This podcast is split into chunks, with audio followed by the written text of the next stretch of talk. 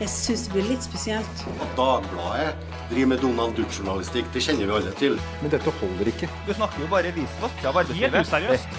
You are fake news. Go ahead. Vi skal snakke om den store Nav-skandalen, hvor det handler om feil praktisering av trygdereglene når det gjelder EØS-avtalen.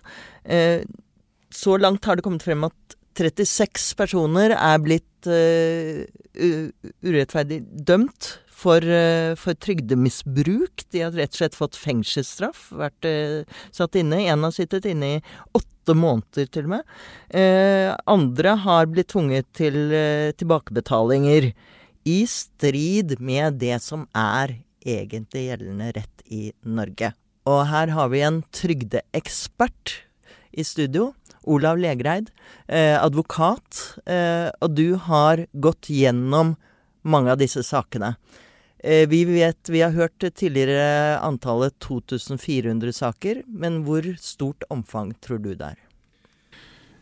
Da kan vi prøve oss på et uh, resonnement. For det første så har vi da gått gjennom alle saker som er publisert på Lovdata fra Trygderetten, og som gjelder tilbakekreving i henhold til disse oppholdskravsbestemmelsene, altså krav om at man må oppholde seg i Norge.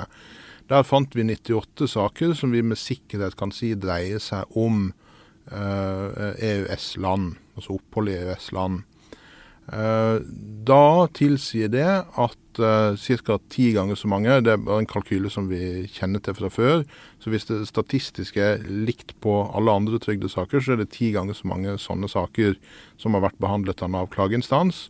Uh, og da har det også uh, formodningen for seg at det er ti ganger så mange som det igjen. Altså 100 ganger så mange. Så da er vi oppe igjen 7-8, kanskje 10 000 saker. 10 000 saker ja. som dette kan omfatte. Ja. 10 000 skjebner. Ja, altså hvis vi da tar med førsteinstanssakene, da, som vil være mange tusen, og så vil det da være ca. 1000 klagesaker og ca. 100 ankesaker. Nå er jo Eh, riksadvokat eh, Tor Aksel Busch ble jo ganske sjokkert da han fikk vite om dette for to uh, uker siden. Og han eh, stoppet selvfølgelig innkallingen til soning eh, umiddelbart. Men dette har jo altså Nav da visst om De har drevet denne praksis siden 2012. De har visst om det siden i to år. Arbeidsministeren har visst om det i ett år. Hvordan har dette skjedd? Dette har nok skjedd gjennom eh, opprinnelige feil i direktoratets faglige arbeid med eh, forordningen. Det er nok kjernen og årsaken til at dette har skjedd. Uh, og så er det jo slik at Ja, for dette de, er en ny forordning ja. som kom fra EØS, ikke sant? Ja, for så vidt ny. altså Det vil si den byttet ut en gammel forordning som gjaldt helt siden EØS-avtalen trådte i kraft. Så en del av disse 98 sakene som vi har funnet, gjelder jo da den gamle forordningen som hadde lignende regler. Mm. Men er det ikke Nav forplikter ikke de seg til å følge med i hva som er lov og rett? For det er ikke sånn at dette EØS-reglementet og forordning der er noe fjernt som vi ikke trenger å forholde oss til hvis vi ikke vil. Det er jo rett og slett norsk lov. Ja, men kunnskapen har sikkert manglet i flere ledd her. Og så eh, er det jo naturlig for de ulike aktørene å støtte seg på at det Nav kommer med er riktig. Det er de som har fagansvaret, det er de som utformer rundskrivet. Det er de som i utgangspunktet skal foreta den store jobben med å systematisere disse ulike EØS-relevante reglene. Fordi at dette har jo da som sagt pågått siden 2012, og Trygderetten, som jo ikke er en vanlig domstol, men som er jo der man anker hvis man skal klage, de har jo da i mange år sagt seg enig med Nav, egentlig. Men så, for to år siden, så kom det flere vedtak der som, eh, som gikk mot Navs håndtering. Ja, altså, men uten at det gjorde inntrykk på Nav. Trygderetten er et uh, domstolslignende organ som i all hovedsak har skriftlig behandling av uh, ankesakene. Uh, og her var det da en oppvakt dommer i Trygderetten som i 2017 kom på at denne forordningen nok betød noe litt annet enn det det sto i rundskrivet. Mm. Men uh, likevel skjedde ikke det noe endring i Nav. Så har da påtalemyndigheten, der hvor det faktisk har vært eh, da, tatt ut tiltale mot eh, sant, trygdesvindel, der hvor det er blitt idømt rett og slett fengselsstraff Det virker som påtalemyndigheten og domstolene heller ikke har fått med seg dette her, da. Nei, og de har i stor grad lent seg på at Navs rettsanvendelse er den gjeldende. Eh, og har ikke da eh, tatt seg bryet med å undersøke selv om eh, reglene er slik å forstå som det Nav hevder. Men dette er sånn i hvert fall for vi som står litt utenfor. Du er på innsiden, og jeg hørte faktisk at du ikke lot deg så sjokkere av dette, forresten? Ja, det er jo riktig at jeg ikke akkurat ble sjokkert. fordi For oss som er eksperter på dette, så har det vært eh, kjent lenge at eh, rundskrivet til Nav har sine svakheter. Mm, mm. Uh, ja. Men for vi som står utenfor, så virker det jo rart at, liksom at påtalemyndigheten og domstolen liksom bare godtar en tolkning fra en etat som Altså, det tyder jo på et for tett forhold mellom domstolene og da forvaltningen. Ja, domstolene har nok også kanskje en sånn Det kan, kan hende det sitter i ryggmargen hos uh, dommere at uh, man skal stole på forvaltningen. Og at uh, forvaltning, forvaltningen farer ikke med noe tøv, liksom. Men uh, her har jo det vist seg å være en uriktig antakelse om, om Nav. Men skal ikke Trygderetten og domstolene være stå opp for den lille mannen og være, være den lille manns sikkerhet? Når det gjelder Trygderetten, så har nok det vært idealet for, for Trygderetten tidligere. Eh, det har forandret seg over tid. og, og Trygderettens oppfatning av seg selv i dag er nok ikke å være den lille manns uh, tjener på noen måte. Det har endret seg, rett og, rett og, slett. Men hvordan til slutt, hvordan vil du si du som er advokat og selv med disse sakene, hvordan er det med rettssikkerheten? Kan man si at det er et rettssikkerhetsproblem som man har avdekket? Ja, man har avdekket et element av en eh, rettsusikkerhet, får jeg si. Uh, som det, det, er for så vidt ikke noe unikt med dette feltet, eller dette problemet som nå er kommet til pressen. Uh, generelt så er det en del å si om rettssikkerheten i trygdesaker, og, og det faktum at Trygderetten har en tendens til å være enig med Nav. Uh, årsakene til dette tror jeg er, er flere enn vi har fått fokusert på akkurat i, i denne saken. Og her er det jo forsvarere som har spilt en rolle, men som kanskje ikke har gjort jobben sin. Ja, i straffesakene så ja, er det jo Ja, i straffesakene. Ja, i straffesakene så er det jo forsvarere som, eh, som eh, kanskje ikke har hatt eh, budsjett og kapasitet til å gå inn i dette. Offentlige forsvarere er betalt av staten for å gjøre den jobben de skal gjøre, og har i den forbindelse et begrenset budsjett til å gå inn i detaljer i i eh, det underliggende materielle regelverket som dette gjelder. Tusen takk for at du kom og oppklarte oss eh, litt, Olav Legreid. Jeg er sikker på at eh, vi må gå flere runder i denne saken før, før vi er i nærheten av å forstå hvordan det kunne ha skjedd.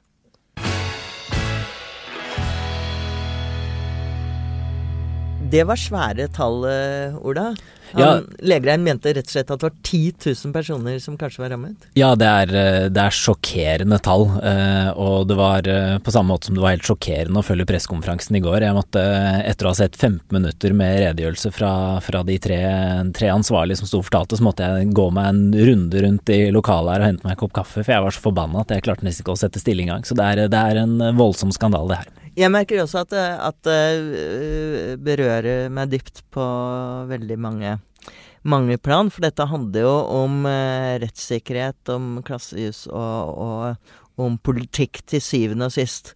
Og gode kollega Jon Olav Egeland, eh, er, er, ikke dette også et uttrykk for altså Det er ikke bare noen som har, har, gjort noe galt i Nav, men det er kanskje Når vi snakker om systemsvikt, så er det jo gjerne uttrykk for, at, eh, for holdninger overfor en gruppe mennesker, eller at det mangler på mangler på respekt og ordentlighet på, den, på det planet også.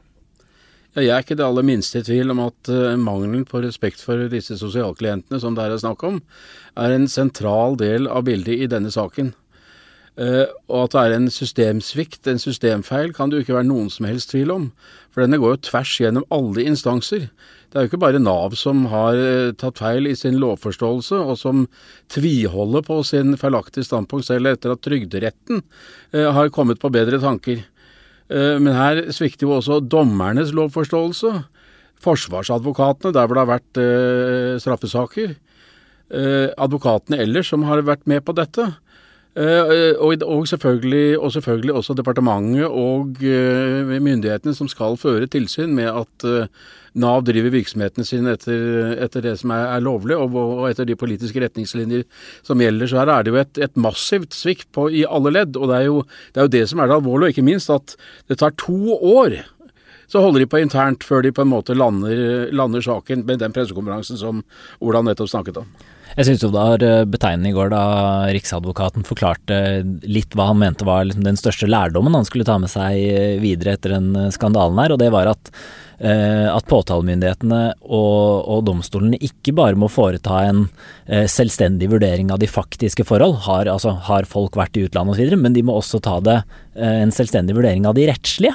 Og det vil jeg liksom tro at de gjør, at de tar en selvstendig men, rettslig men, vurdering. Men åpenbart er det det som det avslører, som jo mange kritiserer domstolene for, at de ofte hentes fra sentralforvaltningen, og at det er Altså både domstolene som, som institusjon er lojale overfor forvaltning, men at den er ekstra styrket ved at de som sitter her, ofte kommer rett fra forvaltningen. Så det er de som satt på andre siden av bordet før. Ja, vi, har del, vi har jo faktisk en del forskning på dette som, som tyder på at uh, de som kommer fra forvaltningen, har lettere uh, i de høyere domstolene for å støtte statens standpunkter når det kommer saker opp. Uh, og dette er, dette er, et stort problem i hele, i hele dette systemet at Eh, i et land som Norge er båndet eh, mellom, mellom, forvaltningen og eh, domstolene altfor tette. Vi har ikke den avstand som er nødvendig. Og forvaltningens vurderinger tillegges en meget stor vekt. Mens man legger mindre vekt på, på, innvendingene. Jeg har jo sett undersøkelser som også viser at Trygderetten, som er sentral i dette, i høy, stadig høyere grad f.eks. gir forvaltningen rett i, i, i, deres standpunkter, at det har vært en utvikling over tid. Mm. Og jeg tenker når vi, vi, har snakket om rettssikkerhetsutfordringene på flere slike områder. Vi har snakket om det når det gjelder asylretten f.eks. også, typisk. Og dette er jo etter hvert veldig betente politiske områder. Um, det slo meg da i forbindelse med at denne Gerhardsen-serien eh, gikk, gikk, på TV, så snakket jo alle om at de ble litt sånn rørt over å se at eh, da vi opprettet, opprettet folketrygden og liksom utbygget velferdsstaten, at det var med en stolthet over at vi tok oss råd til en slik solidaritet, og at vi skulle ta vare på, vare på våre egne.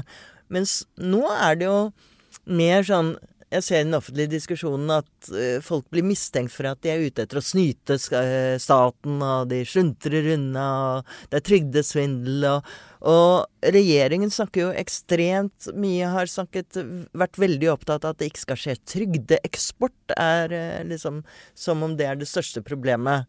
Så det er jo noen signaler fra politiske signaler fra oven her som jeg tenker også at Nav får med seg. Ja, altså Det ligger mange politiske signaler i vår tid av den, typen, av den typen du nevner. Det er jo ingen tvil om at det som uh, før ble oppfattet som en hardt tilkjempet rett, nå er liksom blitt mer skambelagt. Uh, retten handler jo om at du, når du ikke er i stand til å Vi er, til, vi er tilbake igjen på en måte til, eh, til fattigkassen. Uh, hvor det var en skam å måtte motta hjelp, mens, uh, mens man da altså jobbet, særlig arbeiderbevegelsen jobbet fram at dette var, eh, var, en rettighet, og at man ikke behøvde å gå med lua i handa. Nå er liksom arbeidet for å unngå trygdesvindel, som det åpenbart legges mer vekt på enn å unngå skattesvindel hos landets rikeste, så omfattende at det sildrer ned i systemet.